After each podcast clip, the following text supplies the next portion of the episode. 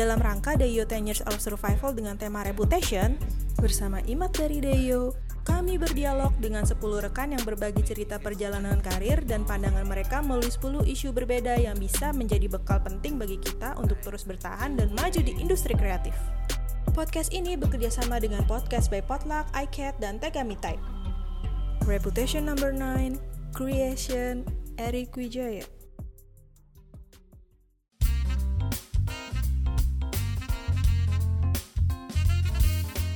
Halo Erik, Hai Imat, lagi sibuk apa nih? Sehat? puji Tuhan sehat. Lagi sibuk apa sekarang? Sibuk selama pandemi ya? Selama pandemi, uh, studio sih? things, kerjaan. Kalau personal, kesibukan personal tuh apa ya? Oh iya gue lagi ini, gue lagi lagi belajar drum nih. Asik. Karena punya waktu lebih banyak di rumah gitu. Dan inilah, gue melatih double stroke, triple triple triplet stroke gue. Wih, Soalnya soalnya soalnya nggak pernah belajar dari dari dulu sih. Ini baru baru yang benar-benar belajar sekarang nih. Lihat dari lihat dari YouTube. double pedal gitu. Eh, lebih ke tangan sih, lebih ke tangan. Oh. Karena, Jadi karena dulu, dulu kan mainnya cuma cuma single stroke doang gitu. Sekarang mencoba kayak liatin drummer keren-keren gitu bisa bisa ngerol ngerol gitu. Itu sih Jadi- gue lagi gue lagi sibuk lagi sibuk belajar drum sekarang. Oke, jadi kalau misalkan lo mau disebut nih hari ini atau saat ini lo mau disebut sebagai apa? Apakah masih desainer grafis atau lo mungkin eh, brand consultant atau creative brand atau musisi rockstar? Desainer grafis lah. Desainer grafis ya. Sesuai- ya. Sesuai ijazah. Sesuai ijazah.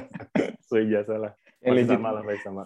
Iya legit karena karena ya karena emang itu yang seharian gue yang gue hadepin ya yang gue hadepin yang gue lakuin ya masih ngedesain lah masih ngedesain masih walaupun nggak ngedesain yang full cuma masih berhubungan inilah masih ber, berurusan dengan desain gitu banyak yang harus diberesin di dalam dunia perdesainan kantor gitu Nah, gue tuh pertama kali bukan ketemu lo sih, tapi pertama kali ngeliat lo itu tahun 2010. Lo tuh waktu itu eh, Thinking Group tuh ke kampus gue, Binus. Terus lu lo, di Inus Hemat ya gue Binus. lu di Inus oke baru tahu gue Terus lo bikin ini kan Five Years of Age ya, bener nggak? hmm. Iya kan. Terus lo bikin eksperimental tipografi lah, pokoknya pada saat itu. Terus eh, Thinking Group tuh gengnya cowok-cowok semua tuh, serem-serem Hmm. gitu, hitam-hitam kan.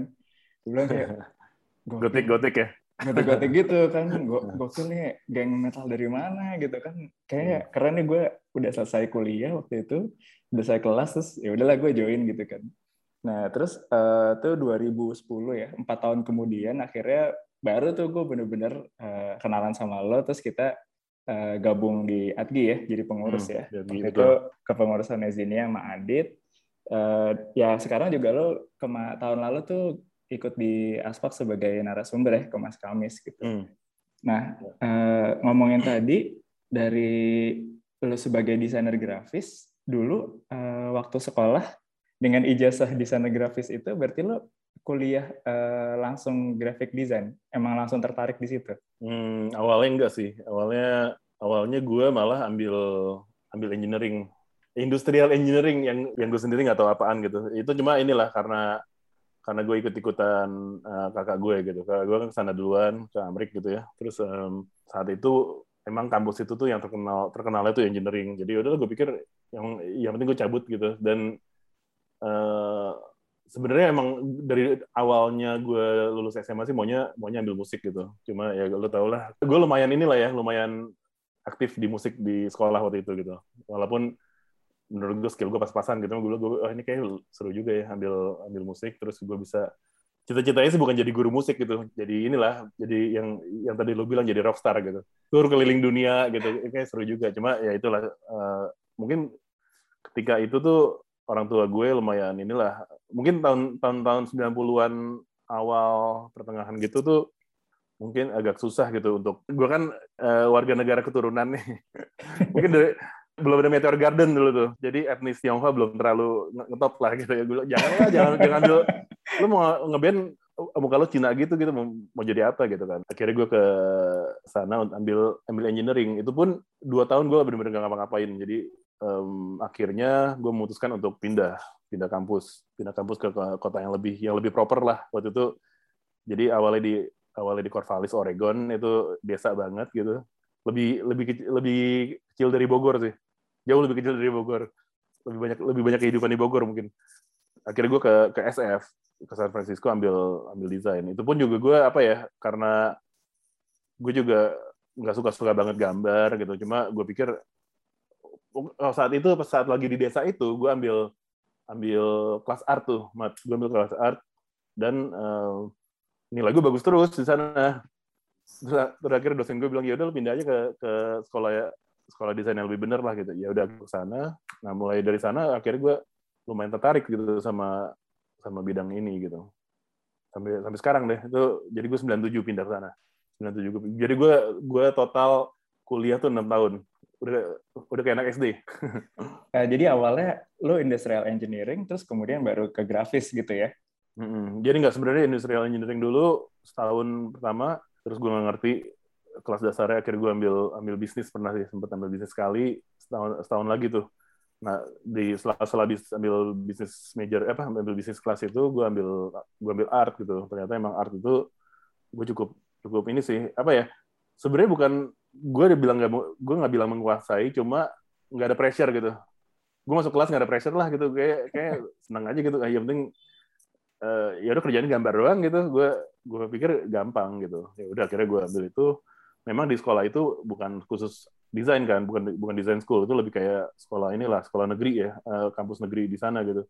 Jadi art itu nggak terlalu inilah nggak terlalu nggak terlalu di difokusin di sana gitu. Akhirnya makanya gue akhirnya pindah ke uh, gue pindah ke Academy of Art University. Itu memang benar-benar art school tuh yang memang fokus itu di jurusan-jurusan desain lah gitu. Ada fashion ada ada animasi ada interior ada produk gitu. Nah gue akhirnya masuk ke graphic design. Nah, lo punya ketertarikan di art, terus kemudian lo ke grafis itu hmm, dari dulu, maksudnya dari lo kecil itu emang suka visual atau lo emang suka mengasah kemampuan lo menggambar atau gimana, Rick? Ketertarikan awalnya gimana? Ketertarikan awalnya mungkin secara nggak sadar, kan karena gue suka musik, terutama musik-musik musik-musik metal yang tadi lo bilang tuh apa, baju hitam-hitam mungkin karena itu juga sih kayak gue kan gue kan koleksi apa koleksi bukan koleksi lah mulai mendengarkan musik keras itu tuh uh, SMP 2 masalah kelas 2 SMP mungkin secara nggak sadar gue lihat kayak uh, band-band metal ini tuh logo bukan logo ya kayak sampul albumnya uh, identitasnya gitu. Menurut gue keren banget gitu. Mungkin saat itu gue nggak tahu itu apaan ya gitu. Cuma ya gitulah sampai kayak gue kan sekolah Katolik gitu sampai sampai Alkitabnya Alkitab gue aja gue gambarin gue gambarin logo Metallica. Ini ini ini ada nih. Tuh. Ini ada ini, ini Alkitab SMP gue jadi ya gue, sampai sampai LE banget ya. segitu segitu apa ya segitu uh, sukanya gitu sama ya. sama sampul sampul album sama logonya gitu. Akhirnya gue gue jatuh cinta sih sama sama gue gak tau ya. Mungkin juga gue jatuh cinta sama musiknya dulu sama uh, personilnya dulu. Akhirnya secara nggak langsung itu ke bawah juga gitu. Si si si, si album cover art ini nih gitu. So, uh, akhirnya gue ngumpulin tuh. Dulu kan zamannya kaset zamannya CD gitu gue ngumpulin bener-bener kayak gila ya let's say Metallica gitu. Dari album 1 sampai ke 5 itu cover albumnya tuh nggak ada yang nggak ada yang jelek men gitu. Semuanya semuanya keren dan semuanya tuh punya punya inilah punya attitude punya suara punya punya mereka masing-masing. Dan masing-masing band juga gitu gitu. Beda-beda gitu. Nah mungkin itu yang perkenalan awal gue terhadap branding kali ya. Jadi kayak semua band tuh punya persona brand brand personality masing-masing, punya voice-nya masing-masing gitu, punya penggemarnya masing-masing, punya usernya masing-masing gitu. Jadi mungkin dari sana sih akhirnya gue uh, gue lihat kayak pas gue milih major di sana, memang awalnya gue mau masuk advertising waktu itu, cuma gue pikir lagi, wah ini kayak desain grafis nih lumayan relate. Gue kayak apa ya punya punya satu memori yang balik ke sana gitu, balik ke masa kecil masa SMP gue. Eh, ini kayaknya gue kalau ambil ini nih bisa bikin ya waktu itu masih masih mimpi musik lah ya. Gue bisa bikin andai kata nantinya gue punya band, gue bisa bikin logo band gue sendiri gitu. Oke, okay, obsesinya di situ awalnya ya. Sependek itu sih, Mat. Sependek itu cita-citanya. ya udah akhirnya gue akhirnya gue masuk sana. Nah, cuma itu akhirnya pas masuk ke sana tuh lumayan ini sih, gue lumayan dibombardir dengan eh, desain-desain heroes yang sekarang gue inilah yang gue yang gue puja dan gue sembah gitu. Uh, awalnya tuh dari dari majalah Reagan, atau Reagan gak sih? Yang oh, Reagan, si David, David Carson, Carson ya? yang buat. Iya iya iya. Uh, David Carson ya itu tuh itu membuka mata gue banget sih. Gue lihat gila nih ternyata nih majalah yang biasa gue baca Hai, Gadis gitu ya. Ternyata ada majalah seperti ini, anjir ada majalah kayak kayak Reagan ini nih bener-bener dikulik banget layoutnya, tipografinya, fotografinya, semuanya sih gitu. Gue gue akhirnya akhirnya gue jatuh cinta sih sama sama, sama graphic design di sana tuh di di awal. Padahal tahun pertama tahun kedua mah gue bener-bener bener-bener clueless bener-bener no clue apa yang gue pelajarin gitu. Karena ya belajar graphic design gue gue nggak tahu mungkin di sini juga sama sih. Kalau lo belajar belajarin tentang fundamentals basic itu pasti bosan banget sih gitu. Sangat boring dan sangat membingungkan dan stressful juga gitu. Akhirnya gue lihat majalah itu gue bilang wah gue pokoknya setelah lulus dari kampus ini gue harus buat karya seperti seperti Carson gitu. Gitulah itu berarti Jadi David Carson gue terhadap graphic design itu di sana gitu dari dari sebuah majalah Nah, berarti salah satu desain heroes lu bisa dibilang uh, David Carson itu atau ada yang lain lagi? David Carson gue lumayan lumayan ini sih, gue lumayan suka dan ngefans banget. Um, cuma nggak terlalu lama waktu itu karena banyak tokoh-tokoh desain di San Francisco yang gue sangat kagumi gitu saat itu. Jadi jadi David, David Carson cuma cuma menjadi jembatan gue untuk mengenal uh, dunia ini gitu. Cuma setelah gue kuliah, tahun kedua tahun ketiga gue mulai mulai tahu lah gitu tentang tentang profesi ini tentang industri ini. Gue cari tahu gitu tentang toko-toko desain di di kota itu gitu. Dan banyak banget yang gue yang gue sembah sih saat itu ya. Kayak cuma mungkin ini bukan bukan ini nggak terlalu orang mungkin orang nggak terlalu dikenal banyak banyak orang di dunia gitu cuma di di komunitas di apa di kota San Francisco San Francisco itu mereka ini lumayan inilah lumayan besar namanya gitu. Salah satunya yang gue paling suka banget itu uh, Toleson Design namanya. Okay. Toleson, Toleson uh, foundernya Steve Steve Toleson namanya. Itu sekarang juga masih ada. Itu tuh itu ini banget sih. Gue bener-bener mind blowing banget setelah ketika gue beli bukunya pertama kali gitu ya. Gila. Ternyata memang ya pokoknya skena desain di sana tuh menurut gue punya suara sendiri lah, punya punya gaya, punya voice sendiri gitu loh terhadap terhadap karyanya gitu. Banyak sih kayak dia, terus Jennifer Jennifer Sterling itu juga salah satu hero uh, hero gue. Uh, ada lagi ada lagi Kehen udah tutup sekarang sih Kehen and Associates itu juga juga keren menurut gue dia dia uh, perusahaan yang yang kuat banget di di editorial editorialnya ya of course Landor di sana juga kan dari SF gitu banyak lah ada ada di Ethic ada Oh Boy, banyak banget tuh. Itu itu kayak local heroes lah kalau dibilang dibilangnya gitu ya. Cuma mungkin secara uh, di skena desain di US pun mereka ya kalah kuat sama yang di New York gitu ya kayak kayak Pentagram, Starkmaster gitu. Cuma bagi gue saat gue kuliah di sana gitu, uh, mereka yang gue look up sih. Mereka yang gue look, mereka yang gue look up gitu. Nah, abis dari lo selesai kuliah di US, San Francisco, uh, abis itu lo kerja di sana atau kembali ke Indonesia? Hmm, saat itu kerja sih, gue kerja dulu. Jadi gue lulus tuh 2000. Jadi 97 kuliah, 2001 lulus. Uh, Sebenarnya gue kerja dari tahun 2000, dua, eh dari tahun 1999. Itu gue udah udah direkrut lah sama salah satu dosen dosen kampus gue. Bukan dosen dari dari ini sih, bukan gue dosen dari dari desain grafis, cuma dari advertising waktu itu. Jadi oke. Okay. Jadi gue kerja dari 99 itu lumayan sih lumayan banget buat apa buat gue pengalaman itu tuh yang sangat sangat apa ya berharga banget lah kayak kayak apa ya kayak mimpi aja tuh nggak nggak pernah sih gitu kayak gue gue masih kuliah dibayar dolar waktu itu cukup gede juga gitu rate-nya. Waktu itu jadi gue seminggu seminggu tiga kali harus ke kantor. Jadi kayak apa ya kayak gue gila gue lumayan ngerasain lah gitu.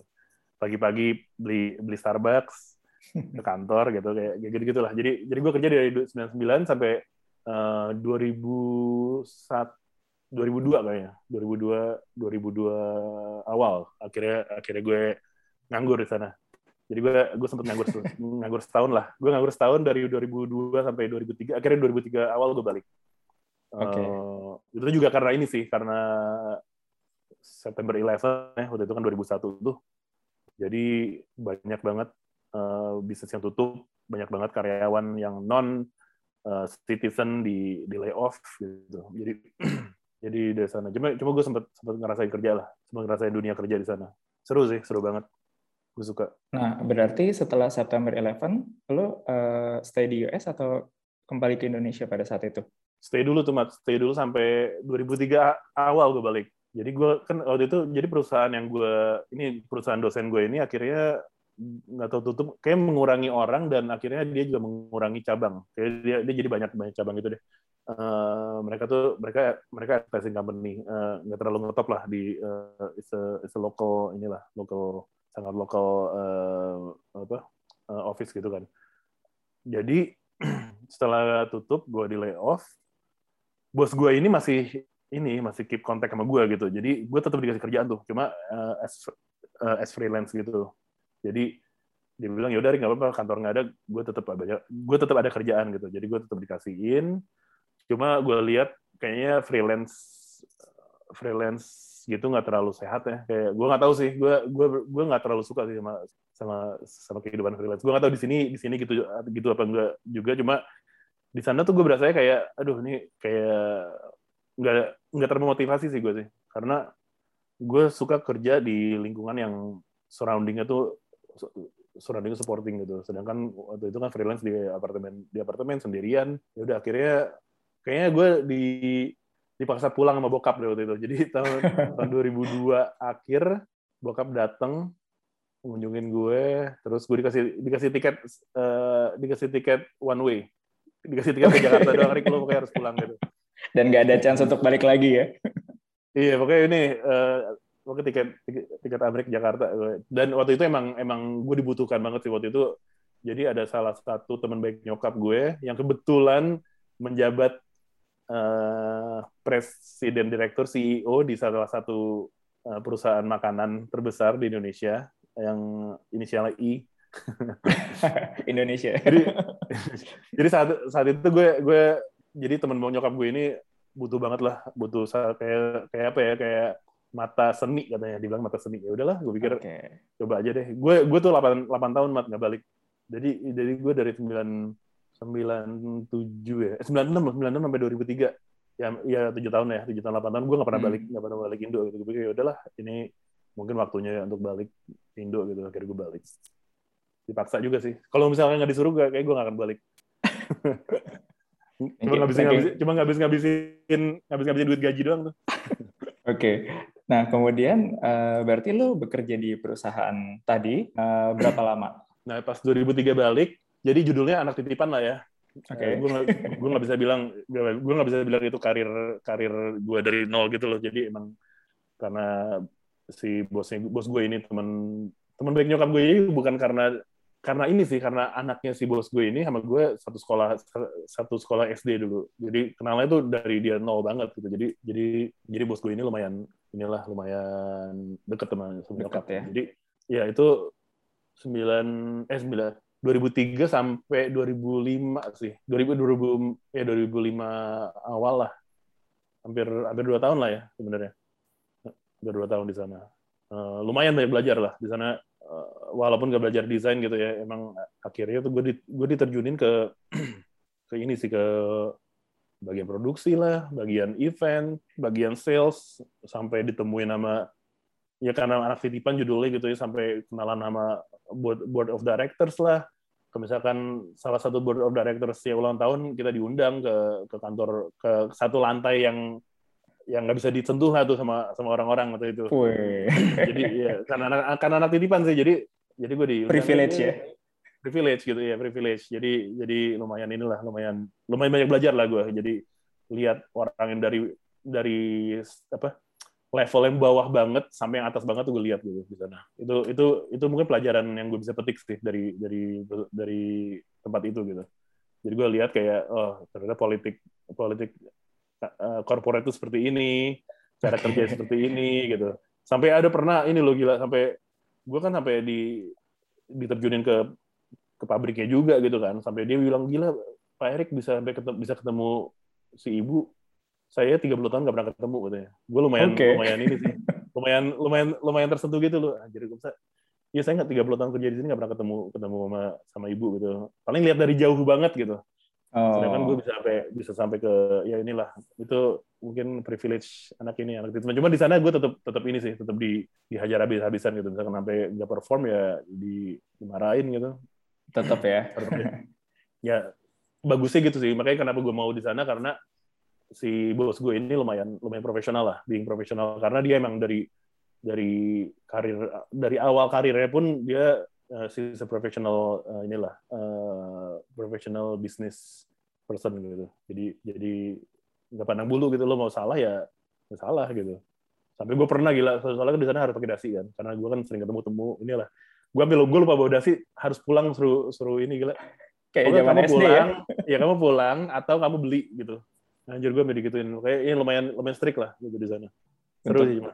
Untuk seorang Erik yang pecinta metal, lo di situ belajar jadi strict corporate banget ya. Lumayan lumayan itu itu gue belajar banyak gue belajar banyak tentang ini sih tentang birokrasi politik di sana gitu. Ternyata memang makanya kenapa akhirnya gue nggak terlalu suka gitu sama sama dunia gituan gitu. Sampai sekarang sih, sampai sekarang gue kalau ya lo tau lah ya kalau kita meeting kalau kita meet, gue meeting gitu di satu perusahaan yang gedungnya semua semuanya kantor gitu. Kalau di lift tuh kayak joke-joke-nya para para para para budak korporat lo tau lah ya. Gue gue paling paling sebel tuh. Dead gue sebel banget ya. gila.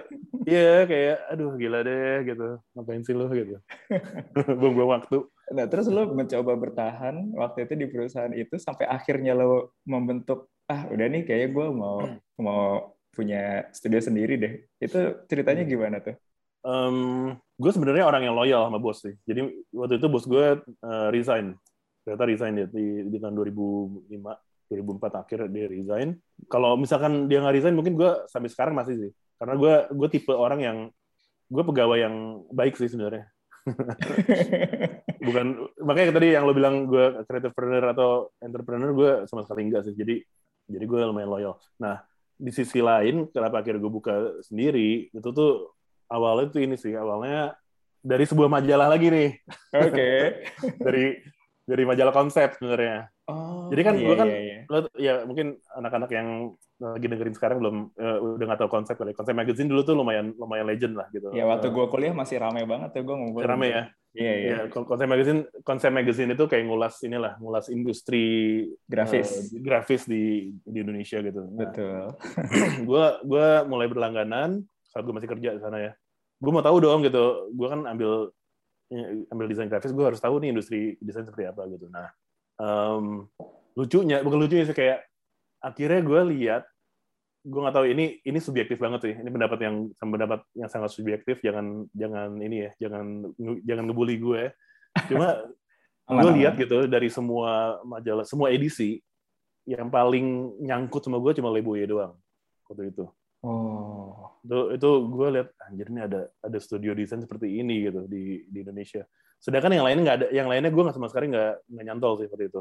Ya sorry itu sih ya gue bukannya bukannya being ju- being judgmental cuma gue tes pribadi aja sih gitu. Gue jadi gue lihat kayak ini jadi dari sekian banyak em, pemain desain grafis di Indonesia saat itu ya Ya. eh, cuma ada satu lah yang gue yang gue yang gue bener-bener ini gitu lihat gila nih ini kok bisa kayak gini ya si studio ini. Orang terus gue mulai cari tahu orangnya wah gila ya kayak gini. Jadi nah itu satu satu hal dua hal karena gue kerja di di company itu gitu. Jadi gue kan gue kan eh, berlaku sebagai klien nih. Oh, jadi Oke. jadi banyak tuh dulu tuh agensi pada datang pada ini. Jadi gue tahu dong gue malah even sempet sampai gue yang milih misalkan pitching siapa yang menang gitu. Jadi jadi bos gue tuh sangat eh, kasih gue inilah kasih gue kuasa gitu untuk Rick kamu pilih aja deh siapa yang menurut kamu paling bagus gitu. Dari sana gue juga belajar gitu. Gue lihat kok mereka kok kayak mungkin gue nggak bilang jelek ya gue bilang gue berasa itu gila ya lu udah dikasih lu udah dibayar segitu sekian mahal gitu se- segini, sekian m misalkan. Cuma kalau kasih kayak gitu doang sih gitu. Nah, Jadi yang kenapa sih hasil hasilnya lo tunjuk gitu. iya kena- lu kenapa sih nggak bisa nggak bisa effort lebih gitu? Karena gue liat gue kan lihat billingnya juga gue lihat billingnya lihat semua quotationnya mereka kan. Benar benar. Gila lo lo buat kayak buat packaging uh, satu packaging itu dibayar sampai mm-an kok buatnya kayak gitu doang sih gitu. Malah even ada yang sampai dikasihnya ke anak magang gitu. Menurut gue menurut gue ya udahlah gue pikir ini ini udah saatnya sih gue bikin sendiri lah. Gue gue bikin gue mau mau apa ya mau ngerombak aja gitu. Mau ya dulu mimpinya sih mau ngerombak inilah ngerombak standarisasi Asik. Uh, iya, muluk-muluk kayak gitu. Cuma, cuma ya inilah kalau kalau realitanya ya gue mau bikin karya yang bagus aja gitu. Bikin karya yang yang bukan bagus bukan bagus doang sih. Yang worth lah, worth lo dibayar segini ya lo harus eh, kasihnya segitu gitu. Jangan sampai ya masa lo di, dikasih dibayar ratusan juta cuma lo kasih anak magang yang ngerjain gitu dan dan ya cuma kelihatan ya, ya pasti kelihatan banget lah gitu kelihatan kualitasnya gitu beda kalau lo yang terjun sendiri, lo yang lo yang supervise, lo yang ini jadi itu beda lah gitu. Jadi akhirnya gue bikin sendiri tuh, gue bikin bikin sama waktu itu barengan teman gue, satu teman gue sama kakak gue. Jadi dulu bertiga sebenarnya TR. TR itu tahun berapa tuh? 2005, 2005 okay, pertengahan kayaknya. Jadi ya itulah gue udah mulai kenal banyak, bukan kenal banyak lah, kenal beberapa teman di di kantor itu gitu. Kebetulan teman gue, teman kantor gue yang di sana itu sekarang salah satu partner di Union Group. Gitu. Jadi ya itulah dari sana akhirnya kita dapat proyek dari mereka gitu. Dapat banyak kan dulu banyak kan kebanyakan bikin apa? Bikin F&B store gitu, retail itulah. Jadi link-link yang kemudian menjadi klien lo adalah uh, berasal dari tadi lo kerja di company sebelumnya itu ya. Salah satunya itu ya. Ya, jadi banyak banyak dapat networking dapat networking dari sana sih. Malah even sampai ada satu divisi yang akhirnya sempat pakai kita juga gitu bantuin kita bantuin bikin kayak uh, kalau salah divisi snack atau biskuit gue lupa deh. Oke. Okay. sempat juga sempat juga gitu. Jadi ya dari sana sih kita kita sih bener-bener apa uh, bikin gue bikin TR gitu uh, secara pribadi. Sama sekali nggak mikirin kayak kayak ini kantor bisa dimonetize nih. Gue nggak mikir itu sama sekali di di awal gitu. Karena gue pikir ini ini butuh banget sih apa satu apa ya satu um, disruption kali ya. Kayak bikin satu kebaruan. ya bikin kebaruan. Bikin satu studio yang bisa produce karya-karya yang worth worth sharing lah gitu. Yang worth sharing. Gue nggak bilang bagus deh gue bilang kayak worth sharing dalam artian lo bisa ceritain prosesnya seperti apa. Lo bisa ceritain penemuan ide penemuan ide ini dari mana gitu. Itu kan something yang yang mahal gitu justru menurut gue gitu. Kalau ya kayak misalkan yang dulu gue lagi kerja gitu ya Iya kayak ini konsep satu seperti ini gitu, dua ini, tiga ini, udah gitu. Cuma billing lu gede banget gitu, kayak gitulah. Maksudnya ya lu nggak tahu diri lah gitu, tahu, tahu diri lu dibayar segitu ya lu harus harus kasih yang yang apa, yang senilai itulah gitu. Yang worth it juga dengan nilainya gitu ya. Betul. Nah kemudian di uh, di thinking room ini awalnya lu membentuk dengan uh, bertiga tadi thinking room ini mau jadi perusahaan atau studio desain yang seperti apa, Rick? Mungkin seperti yang tadi gue bilang sebelumnya sih, kayak menciptakan karya yang selalu konsisten gitu. Terus uh, mau dikenal sebagai ini lah, sebagai kayak lo bisa produksi karya yang yang inilah yang nggak yang nggak putus gitu ya, sustain, sustain dan juga harus harus harus relevan sama sama zamannya, sama sama sama audiens sekarang gitu mungkin kalau dari sisi sosialnya gitu ya uh, mungkin gue mau dilihat sebagai PR mau dilihat sebagai kayak studio yang bisa yang bisa inspiring lah. Bisa inspiring bisa kasih impact ke generasi berikutnya gitu. Kalau kalau dulu sih kalau dulu gue pernah set mimpinya kenapa bikin PR gitu gue mau bilang kalau Thinking Room itu adalah graphic design Indonesia gitu. Yang bisa okay. merepresentasikan dunia. Sebenarnya ini ini gue belajar dari dari cara Leboye sih soalnya menurut gue Lebo itu Pak Hermawan tuh sangat ini banget sih sangat gue nggak tahu gimana dia punya satu skill yang bisa mewujudkan itu gitu. Kayak dia bisa represent uh, uh, Indonesia uh, bisa bisa representing Indonesian graphic design ke dunia gitu loh. Nah gue gue nggak tahu sih. Gue lihat mungkin sekarang sekarang pemainnya udah banyak sih pemain uh, pemain di sini ya gitu. Cuma saat itu tuh cuma his the one and only doang sih yang menurut gue bisa yang bisa yang capable kayak gitu gitu dan gue mau meneruskan meneruskan uh, visi visi dia juga gitu sebenarnya ngomongin karya nih dari waktu pertama lihat uh, Eric dan teman-teman nih thinking room itu kelihatan sangat uh, eksploratif gitu dengan tipografinya. Terus uh, gue juga termasuk uh, baca majalah konsep pada saat itu. Terus juga gue lihat di uh, bukunya Uncle ya, Thinking Room pernah ada satu karya di situ ya gitu. Ya zaman itu zaman-zaman distro lah ya, lo tahu anak muda hmm. pasti sering banget tuh main ke Tebet atau ke Bandung gitu. Nah, hmm. Thinking Room apakah memang sengaja dalam tanda kutip merombak tipografi? Apakah approach itu emang menjadi fokus Thinking Room pada saat itu? Eksperimental atau playfulnya gitu? Di awal-awal Thinking Room berdiri sebenarnya kita mengerjakan tipe-tipe project yang saat itu masih sangat-sangat money oriented ya. Duit banget gitu. Bukan bukannya ya gue gue tadi bilang duit bukan segalanya cuma tetap duit penting lah untuk kita untuk kita uh, uh, apa keluarin untuk operasional untuk untuk salary untuk dan lain-lainnya gitu. Jadi kita kita tetap eh, tetap realistis gitu lah ya. Kita tetap harus butuh project-project yang menghasilkan uang gitu. Karena karena karena tadi itu gitu. Dan dan tipe-tipe project ini gitu uh, menurut gue something yang yang lu nggak perlu pakai otak lah gitu kasarnya ya. Nggak perlu pakai otak. Yang penting lu kerjain cepat lu dapet duitnya langsung gitu. Uh, seperti misalkan bikin inilah uh, eh, gue gue list down seperti bikin bikin kalender bikin annual report itu something yang lu nggak perlu konsep apa apa kan gitu. Bikin aja gitu bikin bikin bikin brosur. Dulu kita banyak tuh bikin gitu-gituan. Jadi karena tipe proyek seperti itu yang yang cepat kerjainnya cepat uh, apa turnovernya cepat dapat uangnya cepat nah kan jadi kita banyak waktu luang mat sebenarnya. Kita banyak waktu luang cuma uh, at the same time kita pikir kayaknya kalau nampilin proyek-proyek seperti ini di showcase kita agak agak memalukan ya gitu. Kayak ya, kayak gitulah kayak yang tadi gue bilang yang low low low quality project itu tuh sangat sangat susah lah kalau kita mau tampilin. Makanya akhirnya kita explore kita explore eksperimental project itu sendiri gitu. Karena itu yang tadi banyak waktu sih karena banyak waktu luang.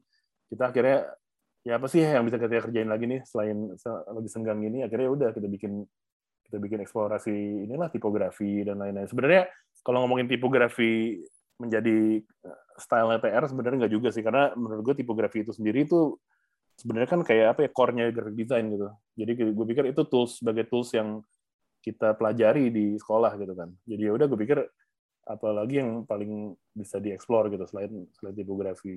Ya, ya ya akhirnya itulah kita build kita apa explore project-project yang eksperimental ini secara bersamaan juga nge-build portfolio kita sebenarnya. Jadi jadi paralel tuh. Selagi kita buat uh, eksperimental Eh, lagi buat eh, lagi buat eksperimen ini sekalian invest gitu. Jadi invest uh, oke okay, ini semua nanti kalau udah jadi jadi kita bisa bisa bisa kita pamerin nih di di web gitu. Jadi awalnya gitu sih. Awalnya kenapa akhirnya kita uh, nge-explore dan gitu gitulah yang bikin bikin tipu gitu. Sebenarnya itu jadi memang uh, kondisi di awal ya kalau misalnya running studio memang pastinya kita butuh uh, tadi ya bikin dapur ngebul dulu. Betul. Tapi di satu sisi juga uh, yang Eric dan teman-teman lakukan di Thinking Room ini uh, jangan lupa nge-build apa ya mungkin uh, citra branding studio itu sendiri ya gitu kalian ya. tuh mau dikenal sebagai apa kalau nggak ada portfolio yang cocok dengan tujuan itu ya udah bikin sendiri gitu ya create hmm. sendiri gitu portfolionya nah ya, itu sih benar thinking room dari awal berdiri tersebut kemudian hingga hari ini kan pasti perubahan komposisi timnya dinamikanya berbeda nih ya gitu. Hmm. Nah, kemudian dalam perjalanannya ada perubahan nggak dari segi arahan visual atau konsep? Terus kemudian kalau misalkan ada nih yang dirasakan Eric paling berkembang dari dulu sampai sekarang thinking room nih dari segi apanya? Hmm. Um, kalau perubahan segi arahan visual sebenarnya menurut gue masih sama sih. Menurut gue masih masih nggak terlalu jauh sama yang sebelumnya. Sebenarnya kalau lu perhatiin ya, kalau kalian perhatiin gitu, lebih detail, kita tuh sebenarnya masih fokus banget di typography sih. Maupun mau, mau apa pun proyeknya gitu ya, kalau lu, lu perhatiin deh. Iya, benar. Uh, kita ngulik, kita ngulik banget kok. Kita kita kita tipe tipografi geek sebenarnya sih. Jadi jadi memang mungkin mungkin formatnya di di di format yang berbeda aja gitu. Cuma secara direction creative direction, visual direction itu masih kita masih ini kok kita masih suka gitu sama yang namanya yang namanya tipografi gitu. Kalau yang paling signifikan kelihatan berkembang eh berubahnya tuh sebenarnya ini sih dari segi manajemen sebenarnya Mat. Jadi hmm. jadi uh, ya inilah karena kita udah kita juga udah 20 eh 20, udah, udah 16 tahun ya.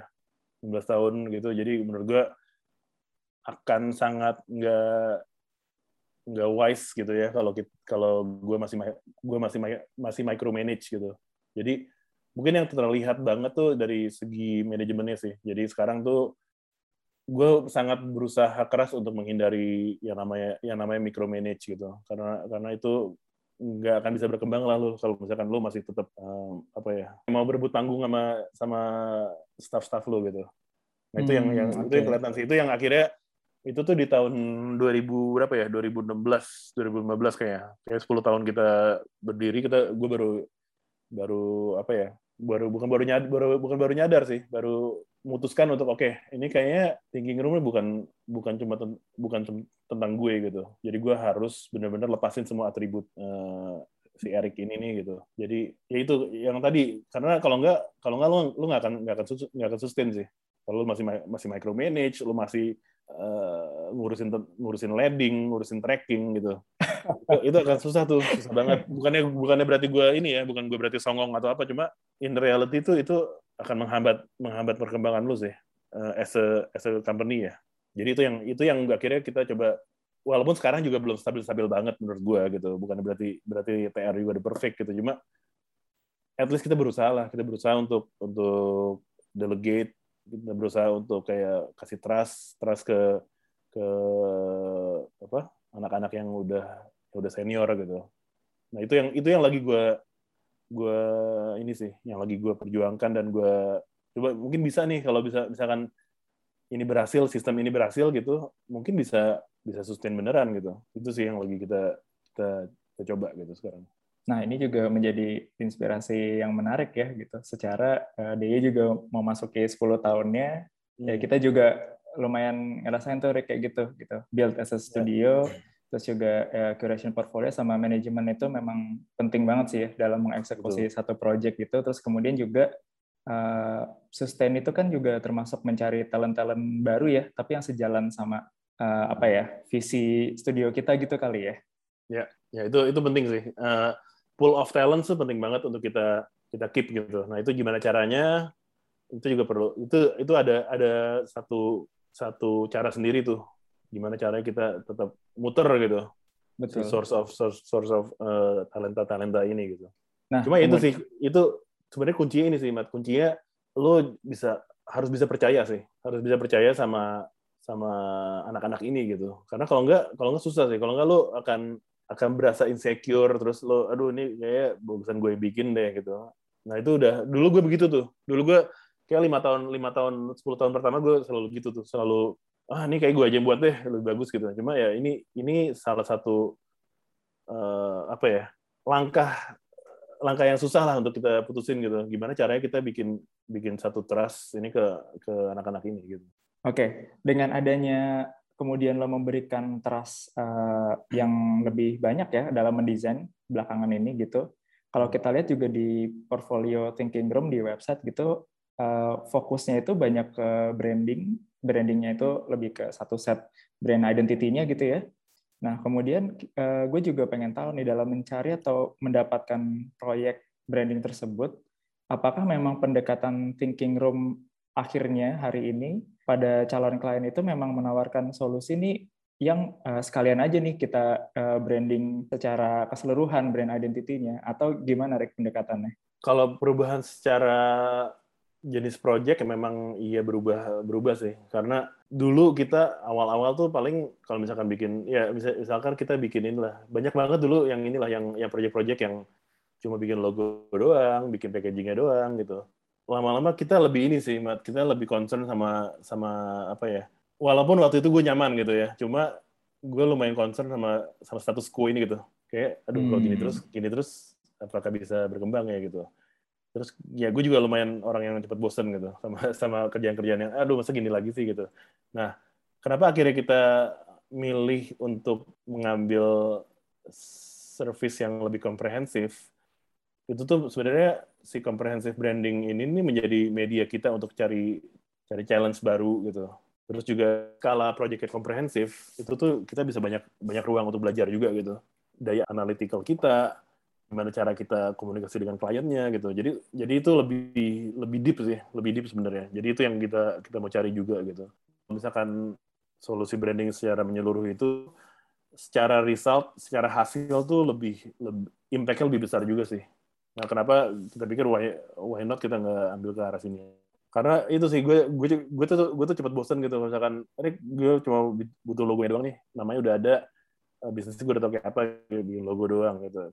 Ya udah bikin logo doang ya lu pakai ini aja pakai apa? Pakai beli logo yang yang di yang di web juga banyak gitu. jadi itu satu jadi kita kita pikir itu itu challenge untuk kita sih. Kita bikin gimana cara bikin satu project dari scratch benar-benar dari scratch gitu atau bisa juga kasusnya yang yang yang rebranding gitu dari dari dari apa dari keadaan yang seperti sekarang diberi di rebranding menjadi yang lebih baik gitu. Terus yang tadi kita juga kita sangat haus banget bukan gue doang sih kayak anak-anak di anak-anak di TR tuh haus sama sama knowledge juga gitu. Jadi gue pikir proyek-proyek yang yang apa proyek-proyek yang tipenya seperti ini tuh lo banyak banyak banget sih banyak poin-poin yang bisa lo pelajari gitu dari sana. Terus yang ketiga ya tadi result lebih ke result sih sebenarnya. Kenapa kita pikir result itu tuh penting banget untuk untuk kasih lihat impact nih ini kita bikin dari dari A sampai Z loh seperti ini gitu. Nah itu ketika kalian approach ke klien dengan uh, apa ya mungkin uh, thinking room yang sekarang nih fokusnya lebih ke comprehensive branding tadi. Apakah memang kebutuhan klien itu awalnya uh, ingin melakukan comprehensive branding tadi atau justru kalian yang meyakinkan gitu bahwa klien ini nih sebenarnya kalau misalkan didesain secara brandingnya mendingan sekalian keseluruhan gitu sekalian uh, melakukan comprehensive branding sama TR itu yang mana Rick? Hmm, biasa sih ini sih kalau itu kita biasa dari kita biasa dari diskusi sih mat sama sama kliennya gitu. Kita kita soalnya gue nggak nyaman untuk kayak hard sell gitu sih tentang tentang tentang service kita. Oh mendingan udah sekalian aja gitu. Kita gue bukannya gue nggak mau cuma gue gue nggak bisa tuh gitu tuh. Kayak kayak apa? Kayak jualan-jualan yang terlalu hard sell gitu. Sebenarnya jadi kita selalu biasanya dari diskusi dulu ke kliennya. Dan biasanya uh, dari diskusi itu keputusan-keputusan keputusan-keputusan atau ses, apa? Uh, suggestion yang kita kasih juga yang sangat sangat based based on diskusi itu gitu. Sangat sangat sangat logis lah gitu. Jadi gimana sih cara tahu dia butuh yang komprehensif atau enggak itu biasa lihat dari dari dari problem yang mereka punya dulu sih. Dan itu ada mereka kenapa mereka kenapa approach kita gitu awalnya. Terus ada masalah apa sih dengan dengan dengan bisnisnya, dengan brandnya. Dan setiap problem itu tuh punya punya apa ya? memiliki beda-beda inilah beda-beda jalan jalan keluar lah sebenarnya. Jadi jadi nggak harus akhirnya uh, menjadi komprehensif juga gitu. Misalkan kayak misalkan misalkan ya contoh nih contoh kasusnya kliennya nih lack of uh, lack of awareness misalkan. Nah kalau awareness berarti ya yang kita harus lakuin ya some, something yang sifatnya komprehensif gitu. Jadi dari dari hulu ke hilir lah gitu. Jadi jadi brand lu tuh diketahui banyak orang gitu. Dan misalkan kayak misalkan problemnya di sales gitu. Ya mungkin bukan dari marketing dari dari inilah dari dari komunikasi gitu. Nah itu biasanya kita langsung arahin ke marketing consultant aja bukan bukan ke kita gitu. Jadi jadi sangat sangat ini sih sangat beragam banget based on based on uh, based on diskusi sebenarnya. Nah, contoh lebih lucunya sebenarnya proyek kita yang buka lapak tuh, Mat. Jadi hmm. buka lapak awalnya malah dia mau bikin font kita. Okay. Jadi dia mereka approach kita, mereka mau bikin font, font uh, font baru untuk buka font khusus uh, untuk buka lapak gitu. Nah, cuma setelah diskusi panjang, akhirnya kita pikir kayaknya agak agak aneh ya kalau cuma fontnya doang diganti gitu karena menurut gue potensial banget nih buka lapak untuk kita untuk di untuk diubah gitu.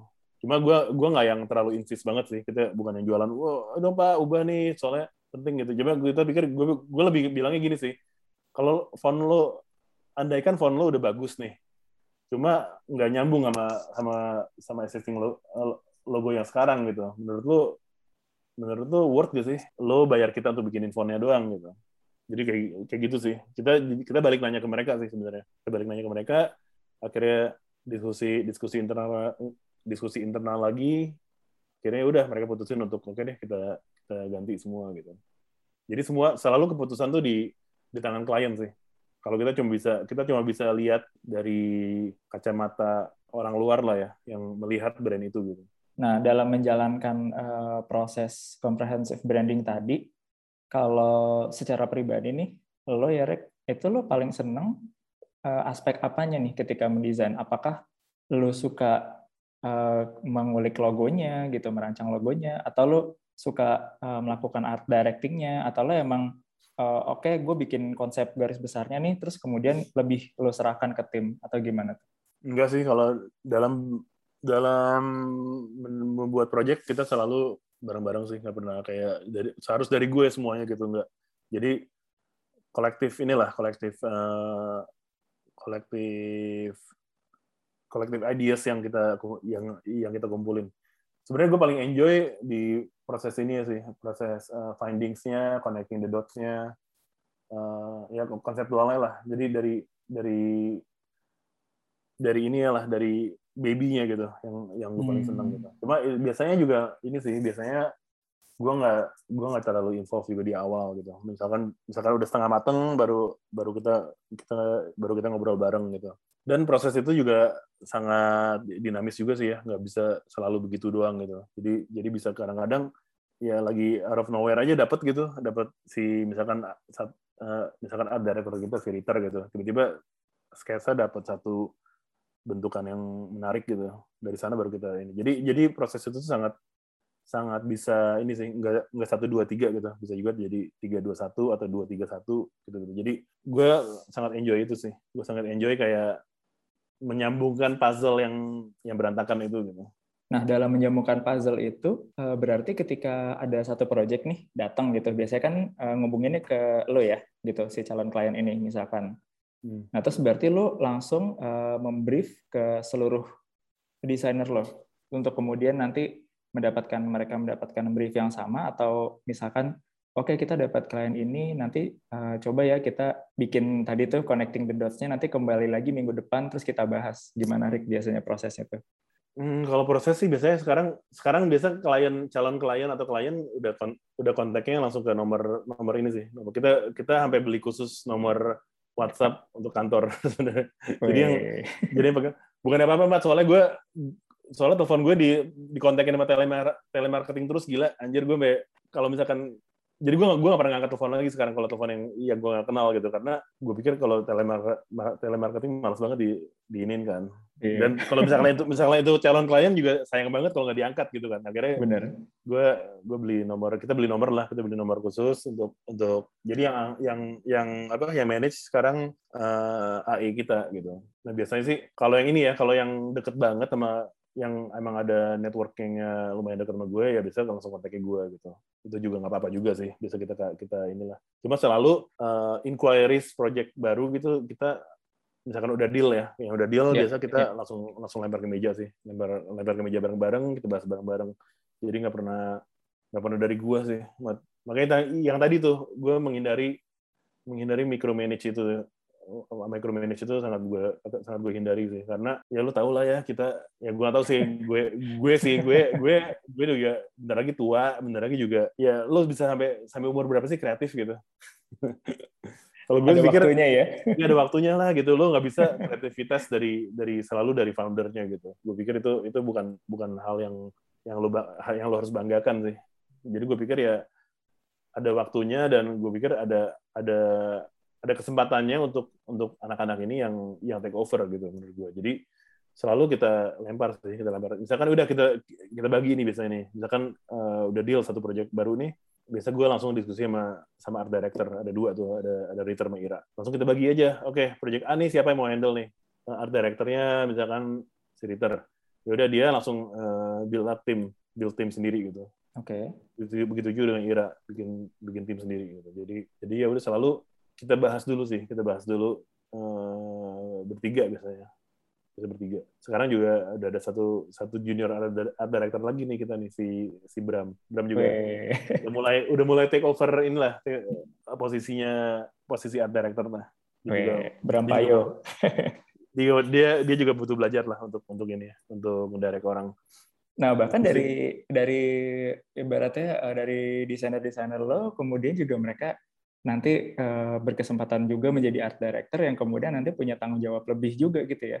Jenjang Iya. karir jenjang karir desainnya juga itu perlu dibuild ya Rick ya untuk Betul. membangun semangatnya mungkin supaya sustain Iya. juga gitu ya. Ya ya. Jadi kayak sebenarnya kasih challenge baru setiap tahun aja sih. Kasih challenge baru, Hmm. kasih tanggung jawab baru gitu. Itu itu yang menurut gua ya itu tadi jenjang karir itu penting sih. Menurut gua memang eh, dunia kita kan ya udah ya nggak tau kayak kayak kayak gue dulu 10 tahun 10 tahun pertama TR ya serabutan banget gitu. Lu mau jadi art director juga tetap aja tetap aja nggak desain gitu. Tetap aja lembur gitu kan. Cuma sekarang gue lagi coba coba sistem baru sih. Sistem baru gimana caranya soalnya menurut gua seorang art director itu tuh menurut gue sangat sulit posisinya sih dibandingin desainer sebenarnya karena lu lu mem- memutuskan sesuatu kan Betul. yang yang lu harus pertanggungjawabkan gitu dan lu nggak kalau udah dikasih dikasih tanggung jawab itu ya lu nggak bisa ngedesain lagi sih menurut gue ya lu akan Hmm. akan akan meledak sih kalau misalkan lu disuruh ngedesain lagi. Kalau zaman dulu TR tuh gitu tuh. Ya art director ya present iya ngedesain iya semuanya lah gitu bikin deck iya gitu. Cuma kalau sekarang gue mau coba bikin gimana caranya ya walaupun belum teratur banget cuma ya udahlah kita coba nih pelan-pelan gitu ya benahin eh, sistem kerja ini. Kenapa kenapa sih gue mau bikin bikin sistem seperti itu gitu? Nah ini juga menarik sih karena gue liatin gitu ya eh, ya ini ini mungkin pada nggak tahu cuma teman-teman seangkatan gue gitu atau teman-teman deket gue lah gitu ya yang yang seprofesi nih sama Ya. sama sama gue akhirnya mereka juga nyerah gitu sama udah bikin studio udah udah 10 tahunan gitu akhirnya tutup Hmm. Eh, nggak cuma satu loh banyak gitu ada ada gue bisa bilang ada tiga tiga sampai lima orang lah gitu yang yang yang akhirnya gue nggak tahu ya gue nggak tahu. Mereka sih bilangnya ya ya ngapain lo jadi ya, lo jadi apa jadi kacung klien terus gitu. Lo ngapain jadi jadi vendor jadi servis pemberi servis terus. Mendingan gue bikin bikin produk gue bikin jadi gue jadi apa ya bikin inilah bikin bisnis sendiri gitu. Cuma menurut gue apa, apa salahnya sih punya punya desain studio dan apa memberikan servis gitu? Nggak ada salahnya menurut gue sih. Cuma ya gue nggak tahu. Itu mungkin kayak bentuk denial mereka gitu ya. Cuma gue lihat kayak mereka akhirnya ganti haluan ke bikin printing lah bikin produk lah bikin macam-macam lah gitu. Cuma gue pikir masa nggak bisa sih kita sebagai desain desain yang men- menyajikan service desain gitu sustain gitu. Nah itu yang gue yang gue lagi cari jalan keluarnya atau cari satu cara sih gimana gimana bikin ini tuh sebenarnya bisa loh gitu eh, desain service ini tuh menjadi karir yang ya lo bisa deh sampai lo berkeluarga misalkan lo sampai berkeluarga gitu ya misalkan lo masih Hmm. kerja di TR lo masih bisa support keluarga lo lah gitu. Gimana caranya gitu. Nah itu itu gue lagi mikirin sih gimana caranya. Soalnya sayang sih menurut gue kayak nah dan teman-teman gue ini teman-teman gue yang akhirnya udah nggak melanjutkan itu lagi service design ini lagi secara ironisnya gitu ya itu teman-teman yang gue look up gitu teman-teman yang gue yang apa mereka tuh yang menyebabkan gue membuat thinking room sih gitu. Sayang banget gitu makanya gue pikir gila ya sayang banget ya. Walaupun memang mereka mungkin sekarang lebih lebih lebih makmur gitu ya cuma masa sih nggak bisa sih kita desain studio yang menyajikan service ke klien bisa tahan gitu sampai sampai 20 tahun atau hampir selamanya gitu Dan perlu ada yang memulai, perlu ada yang memberi contoh, dan juga kita mesti nyari formulanya tuh, Rick ya. Berarti. Betul, ya. Iya, even kayak angkatan gue pun udah banyak yang akhirnya either nggak kelihatan, nggak either bener-bener hilang atau ben, eh bener-bener tutup atau bener-bener nggak kedengeran gitu. Banyak juga yang begitu kan. Nah itu yang gue sayangkan gitu soalnya menurut gue Indonesia tuh banyak banget gitu. Ya pemain baru sekarang tuh banyak banget yang yang sangat menonjol ya gitu. Kayak kayak banyak lah gitu sekarang uh, profesional praktisi yang menurut gue sangat-sangat inilah ya sangat-sangat kelihatan gitu di di di permukaan. Cuma yang dulu dulu yang dulu dulu mana gitu. Nah itu sih yang gue yang yang gue sayangkan sih. Yang dulu dulu mungkin masih ada gitu. Cuma ya ya hidup enggak mati juga juga nggak mau gitu. Kayak ya gue masih masih ini kok masih kreatif kok gitu. Kayak gitulah. Untung masih ada Eric sama Thinking Room nih. Nah itu mudah-mudahan sih mat. Mudah-mudahan gue bisa, Yeah. bisa pertahan- mudah-mudahan gue bisa pertahankan itu gitu ya. Gue gue bukannya berarti bilang thinking room yang bisa gitu. Cuma ya ini sebuah apa ya em, permainan yang yang seru sih bener ya seru gitu. Bisa gak Hmm. sih? Gue juga juga apa ya gue juga perlu pembuktian diri gitu. Bisa apa nggak sih sebenarnya begini nih gitu? Nah, itu emang sejalan banget nih dengan tema rangkaian podcast ini eh, survival. Karena kita juga di Deo ngerasain tuh kan, uh kita udah Hmm. 10 tahun dan kita survive tapi kemudian apa langkah berikutnya buat survive? Nah, itu yang coba kita temukan kan jalannya sama-sama gitu. Itu salah satu kenapa kita eh, bikin rangkaian podcast ini Rick gitu. Jadi kita mau Hmm. coba bahas 10 hal di luar ngedesain lah gitu. Aspek-aspek apa aja sih yang bisa bikin kita survive gitu. Oke, seru banget nih ngomongin eh, masalah survive sama sustainability ini. Nah, balik lagi ke portfolio nih, Rick. Hmm. Karya-karya Thinking Room di awal-awal itu yang banyak eh, bermain dengan tipografi atau eksperimental, eh, kan gue termasuk yang ngepoin lo nih, termasuk yang ngeliatin lo gitu. Bahkan dari kuliah gitu. Eh, fanboy ya fanboy Iya, ini Iya, gue fans ya gitu. Boleh dong ya. boleh boleh Terus abis gitu gue eh, suka merhatiin nih, pastinya kan kalau studio tuh dilihat dari portfolio ya, gitu dari websitenya atau mungkin ada yang di Behance atau di sosial medianya gitu. Ya. Beberapa proyek yang eksperimental dan berfokus di tipografi tadi itu beberapa kan kayaknya nggak muncul lagi ya di jajaran portfolio website TTR ya, bener nggak? Nah itu Hmm. alasannya apa tuh, Rick? Apakah kalian memiliki pertimbangan kurasi tertentu gitu? Kayaknya kayaknya ini enggak dan itu gimana sih nentuinnya gitu? Hmm, enggak sih sebenarnya kalau dibilang hilang sebenarnya enggak juga sih Mat. kayak apa ya kita tuh selalu punya ritual. Setiap tahun tuh harus punya harus ada satu inisiatif project lah gitu. Dan dan itu selalu ada gitu. Kalau lu perhatiin gitu kayak kayak apa pun itu ya apa pun itu projectnya kita pikir eh, memang udah berkurang udah nggak seperti dulu gitu. Karena karena ya satu secara realita udah sibuk lah ya sama sama ya sekarang kita kan udah udah 15 orang juga gitu. Jadi jadi gue pikir nggak nggak inilah ya nggak nggak wise untuk untuk bermain-main terus gitu. Cuma kalau lu perhatiin gitu kita selalu setiap tahun tuh berusaha banget untuk bikin satu inisiatif project sih. Kayak tahun ini contohnya kayak yang Game of Ox itu tuh kita itu Ya. inisiatif kita juga sih untuk buat buat something yang yang non non client related lah gitu. Terus kalau tahun lalu tuh eh, karena pandemi kita buat eh, thinking zoom misalkan. Jadi adalah kita perlu menurut gue itu perlu banget sih eh, dilakukan untuk ya untuk semua studio ya terutama terutama eh, yang, yang baru mulai gitu. Jangan pernah selalu jangan pernah terbuai sama proyek-proyek lain terus gitu. Karena kita perlu refreshing lah perlu refreshing perlu something yang yang lebih yang lebih waras gitu. Kalau lo, lo, lo kalau lo setiap tahun kalau setahun penuh ngomongin eh, kerjain proyek lain terus kan lama-lama gila gitu. Jadi gue pikir penting sih kayak gitu kayak kayak contohnya ini sih. Contohnya kita bikin buku Conjung Glyph di tahun 2019 ya itu. Nah itu akhirnya menjadi satu proyek proyek inisiatif juga gitu. Jadi semuanya bisa dibilang eh, masih ada lah gitu. Masih ada sedikit soulnya T- eh, TR lama gitu ya. Cuma memang nggak nggak sebanyak dulu.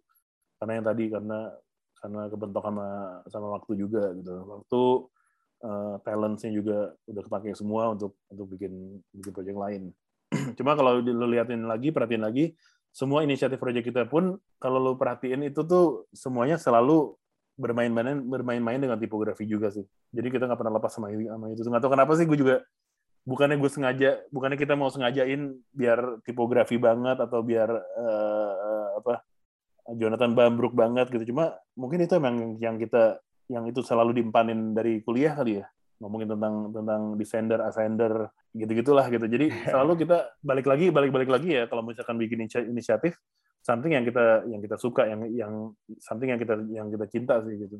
Ya kalau perhatiin gitu sih memang secara eh, komposisi udah udah lebih berkurang. Cuma ya itulah caranya gue untuk membuat anak-anak waras ya itulah bikin satu inisiatif lah apa pun itu apa pun itu bentuknya ya bikin something yang yang nggak ada hubungan sama klien gitu yang nggak ada yang ngejudge ya. Jadi Hmm, emang, ngejudge. emang bikin buat bareng-bareng, seneng bareng-bareng dan dilakukan bareng-bareng gitu ya. Kayak kemarin Iya. kalau nggak salah kalian bikin camping itu kan. betul yang ada betul, batch anak. SD-nya gitu. Ya, ya kayak gitu gitulah, kayak gitu-gitu tuh samping yang yang yang kita enjoy juga sih. Kayak kayak penting lah kayak gitu-gitu. Menurut gue penting untuk untuk inilah ya, untuk untuk mental mental kita. gitu. Kesehatan mental. Kesehatan mental ya, benar sih. Betul. Nah, eh, ini sedikit lagi tentang portfolio, Rick. Nah, Hmm. eh, ada nggak sih poin-poin penting eh, yang menurut eh, Eric atau yang biasa eh, Eric dan teman-teman lakukan di Thinking Room tuh yang perlu diperhatiin nih gitu dalam mengkurasi portfolio yang akan ditampilkan baik di website ataupun ketika kalian eh, initial apa presentation ya ke klien gitu. Poin-poinnya apa aja sih Rick yang pen- paling penting gitu? Poin-poin penting sebenarnya ini sih, eh, project yang akan kita showcase, yang akan kita masukin ke portfolio itu tuh, eh, lo harus eh, trace back lagi gitu ke, ke belakang gitu. Apakah selagi lo nger- mengerjakan project ini, project ini lo happy gitu. Happy secara ini ya, secara proses lo happy, secara resultnya lo happy gitu. Itu itu penting banget buat buat buat kita. Even itu sebelum kita balik lagi, kita tarik ke belakang lagi, even itu sebelum kita mutusin untuk ambil project itu gitu. Apakah project ini tuh membuat kita kita happy gak sih gitu. Happy dalam artian ini ya, dalam artian tuh stress levelnya serendah mungkin lah gitu. Nah itu satu. Kedua yang berhubungan dengan yang poin satu, apakah lo bangga sama project itu gitu. Itu juga itu itu berhubungan nih, berhubungan antara decision lo untuk mengambil project itu dan menampilkan project itu gitu. Apakah lo bangga dengan project itu? Itu kedua tuh. Ketiga, apakah project itu tuh worth untuk lo ceritakan prosesnya yang tadi gue bilang eh, penemuan idenya, pengembangan idenya. Nah itu kayak gitu-gitu sih yang yang menurut gue tiga hal itu yang menurut gue itu sangat eh, menjadi penting gitu. Tiga hal yang yang inilah yang utama banget lah untuk apakah proyek ini akan kita tampilkan. Nah untuk mengkurasi sebenarnya tipe-tipe proyek yang ingin ingin kita tampilkan itu tuh harus banget di di dikurasi kenapa? Karena kalau lo menampilkan proyek yang akhirnya salah kurasi nih, misalkan apa ya? Gue gue kasih contoh, gue ntar dibully lagi sih. Cuma ini ini ini contoh aja ya, bukannya berarti ini jelek atau ini salah gitu. Misalkan lo nampilin properti misalkan, lo memang memang uh, nampilin properti nih. Apakah lo akan pasti banyak klien properti nanti yang ya nyari lo gitu. Nah, ketika itu apakah lo mau menjadi desainer spesialis properti gitu. Nah, ya, nah itu juga penting tuh. Mungkin kalau mau tampilin properti ya ya udah satu aja gitu. Nggak perlu kayak lebih dari satu misalkan kayak gitu. Ya gitulah. Jadi jadi jadi ya yang gue percaya banget gitu good project pasti leads to another good project atau atau sebaliknya gitu. Kalau lu nampilin something yang yang lu nggak happy, lu nggak lu nggak bangga gitu, akhirnya ya yang datang itu lagi sih pasti gitu, kayak gitu. Nah terus uh, hal yang paling penting lagi yang yang yang berhubungan sama properti tadi nih ya, misalkan kita udah handle uh, lima lima klien properti misalkan nih, apakah lu harus tampilin lima limanya? Nah itu juga juga sama sih, apakah jangan sampai tuh kayak apa yang lu tampilkan akhirnya menjadi menjadi menjadi backfire ke kita juga gitu. Ya ya gue nggak tahu kalau gue pribadi ya gue sih sangat sangat menghindari itu gitu. Gue menghindari kayak menjadi desainer spesialis gitu. Gue nggak mau seperti itu tuh. Gue maunya gue maunya tuh uh, kalau bisa showcase-nya Thinking Room por portfolio itu sangat sangat variatif, beragam, uh, versatile, something yang apa lu bisa inilah lu browsing tuh nggak nggak bosan-bosan gitu. Lu liatin lu liatin bisa tiba-tiba uh, fintech, tiba-tiba food court, tiba-tiba uh, skincare gitu. Jadi jadi gue pikir itu juga penting sih. Itu penting banget lo gimana cara memilih, memilah dan mengkurasi uh, industri yang lo handle gitu. Jangan sampai akhirnya lo menjadi oke, okay, thinking room menjadi desainer spesialis skincare gitu. Gue gue gue sebenarnya menghindari itu gitu. Gitu dan uh, ini juga penting, poin yang penting tuh gimana lo bisa show bisa sejauh apa desain itu bisa di extend gitu. Kayak kayak hmm, apa ya ya misalkan branding sebuah food court lah gitu ya nggak cuma kasih lihat logonya doang gitu. Lu bisa extend itu bisa sampai ke mana sih gitu. Dan emang emang real projectnya seperti itu gitu. Kayak biar apa sih biar biar sebenarnya biar biar audiens tuh dapat esensi brandnya gitu. Uh, jadi lo bisa lo harus bikin uh, showcase portfolio itu tuh se sebelievable mungkin sih. Lo bisa percaya oke okay, ini benar-benar project yang yang bisa gue rasain gitu. Bisa gue rasain bisa ini gue even sampai gue mau datang sih ke mau datang ke sana gitu Jadi memang dalam memperlakukan hasil karya, hasil kreasi dari kita yang udah kita desain susah payah itu, kita akhirnya juga harus memilih lagi Rick ya dengan dalam tanda kutip tega nggak tega gitu ya dengan hmm. uh, mempertimbangkan tujuan dan uh, visi misi tadi gitu. Ya. Ada tambahan gak Rick sebagai penutup nih? Mungkin saran buat uh, teman-teman di industri terkait, terutama dalam uh, tadi ya menyajikan atau menyusun atau mengkurasi portfolio gitu. Apalagi kan sekarang dengan adanya komunikasi yang gencar nih di sosial media serba digital saat pandemi itu visual itu kayaknya uh, penting banget Erik. Saran dari Erik apa? Sarannya yang tadi sih mungkin nggak jauh sama yang tadi terakhir gue ngomong apa ya itu apa gimana caranya lo um, jangan sampai apa yang lo tampilkan menjebak lo sih jadi lo tuh harus hati harus kita harus hati-hati banget terhadap pemilihan um, project lah. Itu itu penting karena karena yang tadi apa susah sih kalau misalkan lo sampai lo akhirnya ngerjain properti terus gitu. Lama-lama lama-lama bosen men gitu. Jadi sevariatif mungkin, seversatile mungkin itu penting buat buat kita sih. Jadi apa ya kita bisa kita jadi dikenal sebagai desainer yang yang inilah yang yang enggak yang enggak ini sih yang enggak apa ya ya tetap konsisten kerjaannya cuma enggak enggak kekeh gitu stylenya gitu. Kita kita pikir gua gua pikir itu penting sih buat apa ya buat image uh, studio gitu. Jadi tetap konsisten yang bagus gitu cuma jangan sampai dicap sebagai spesialis saja sih. Itu yang yang gue gue sangat sangat sangat hindari gitu. Itu aja sih kayaknya dari gue Oke, seru banget nih ngomongin perjalanan thinking room sampai akhirnya proses kurasi portfolio dari thinking room itu sendiri. Terima kasih banyak Erik, sharingnya hari ini seru banget. Jadi buat uh, teman-teman yang mau berkarya harus konsisten dan jangan lupa uh, di masa depannya nanti supaya bisa terus sustain Erik ya, bisa terus bikin karya-karya yang ya. uh, memuaskan lah gitu ya. Itu. Oke, terima kasih banyak Erik, sehat selalu. Thank you. Sampai jumpa di kesempatan berikutnya. Bye. Bye.